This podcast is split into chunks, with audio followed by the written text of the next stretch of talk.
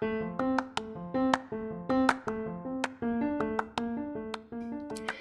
og velkommen til den første korte Spareglede-episoden, hvor jeg bare nærmest svipper innom for å svare på spørsmål som jeg har fått fra dere. Som jeg sa i forrige episode, så har jeg blitt nødt til å kutte ned antall vanlige episoder fra ukentlig til månedlig i en liten periode nå. Men siden jeg synes at podkast er fryktelig artig, så putter jeg altså heller inn noen småepisoder her og der når jeg har tid til det. Og I dag så skal jeg altså svare på følgende spørsmål fra en av dere som følger meg på Instagram. Hun sier Kan du snakke om det å ha forskjellige kontoer, som f.eks. når man får lønn og trekker beløpet til forskjellige kontoer for forskjellige ting, og la fakturaene trekkes fra dem, eller ha en egen konto til gaver, ferier etc. Trenger litt hverdagstips for å ha system i økonomien. Takk for spørsmålet ditt. Eh, jeg tror jeg har vært innom dette temaet før, men det var muligens et Instagram-innlegg, ikke i podkasten, så jeg kjører på. Det finnes mange mulige varianter her, litt avhengig av om du deler utgifter med noen, om du har felles eller separat økonomi med denne personen, om du har lett for å bruke penger hvis du ser at summene hoper seg opp, osv. Men jeg kan starte med å si hva jeg og mannen min har valgt, og så kan jeg si litt om andre varianter etterpå. For jeg og mannen min vi har 100% felles økonomi, for vi har vært sammen ja, liksom bestandig. Så ja, det føles rett å dele på alt av eh, verdier og inntekter.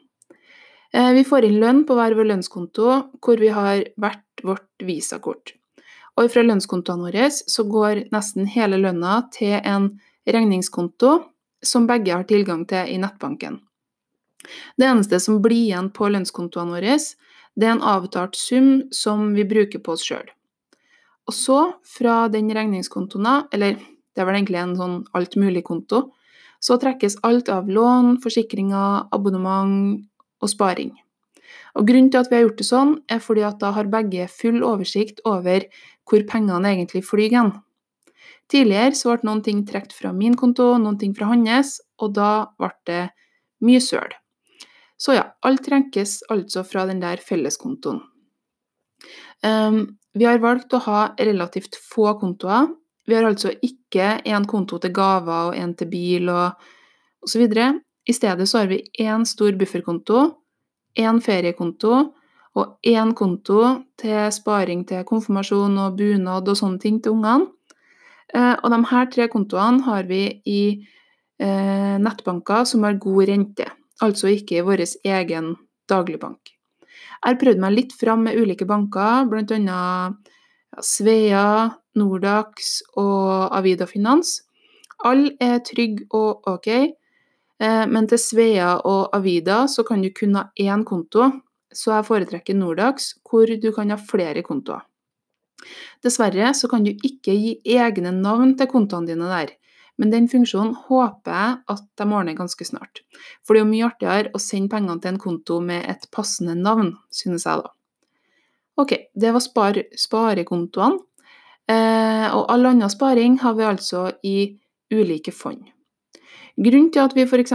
har kun én stor bufferkonto framfor mange små, det er fordi at jeg vil heller ha type 50 000 på en sparekonto med høy rente, enn å spre 50 000 over mange ulike kontoer i den vanlige nettbanken min, for der er det lav rente. Eksempel så får jeg 1000 kroner i rente hvert år på den bufferkontoen, hvor jeg da har 50, nei, 50 000 til akkurat nå er det 2,35% rente. Og med tanke på at jeg vil ha denne bufferkontoen for bestandig, så blir det jo en del penger over tid. Dette det her funker bra for oss, men i en del andre scenarioer så ville jeg valgt annerledes.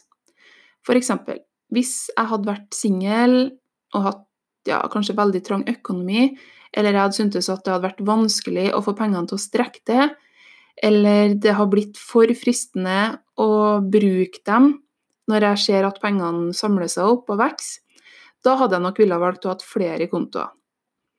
Eh, hvis jeg hadde blitt frista av å se at jeg har 20 000 kroner på en konto, som liksom bare står der og venter på å bli brukt, Da er det nok lurere å ha masse kontoer som du kan kalle bil, gaver, ferie, tannlege, lege, frisør, hus osv.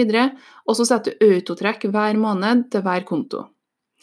Eh, det kan du òg gjøre sånn at du har egne kontoer til strøm, forsikringer, boliglån osv. Og, så har du autobetaling av strømregninga fra strømkontoen.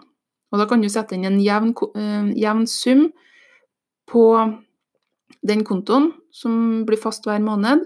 For da slipper du å bekymre deg for om du har råd til hver regning. For da vil du jo alltid Ja, da har du jo alltid penger som er øremerka til bare strømmen, da. Eh, på den måten så får du egentlig automatisk et budsjett uten at du trenger å bruke Excel eller noe som helst, for da havner jo pengene dine automatisk i riktig bås. Det her funker kanskje best hvis du syns det er OK å sitte litt i nettbanken og sette opp de her trekkene. Noen syns jo det er gørrkjedelig, men hvis du gjør det én gang, så er det liksom gjort. Jeg tror kanskje at jeg ville gjort det sånn om jeg hadde vært helt alene i økonomien min.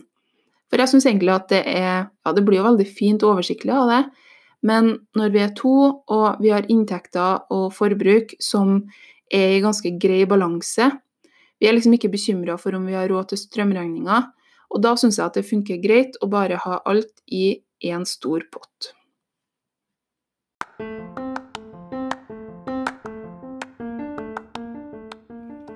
Ok, da ble det altså litt for uh, enhver situasjon.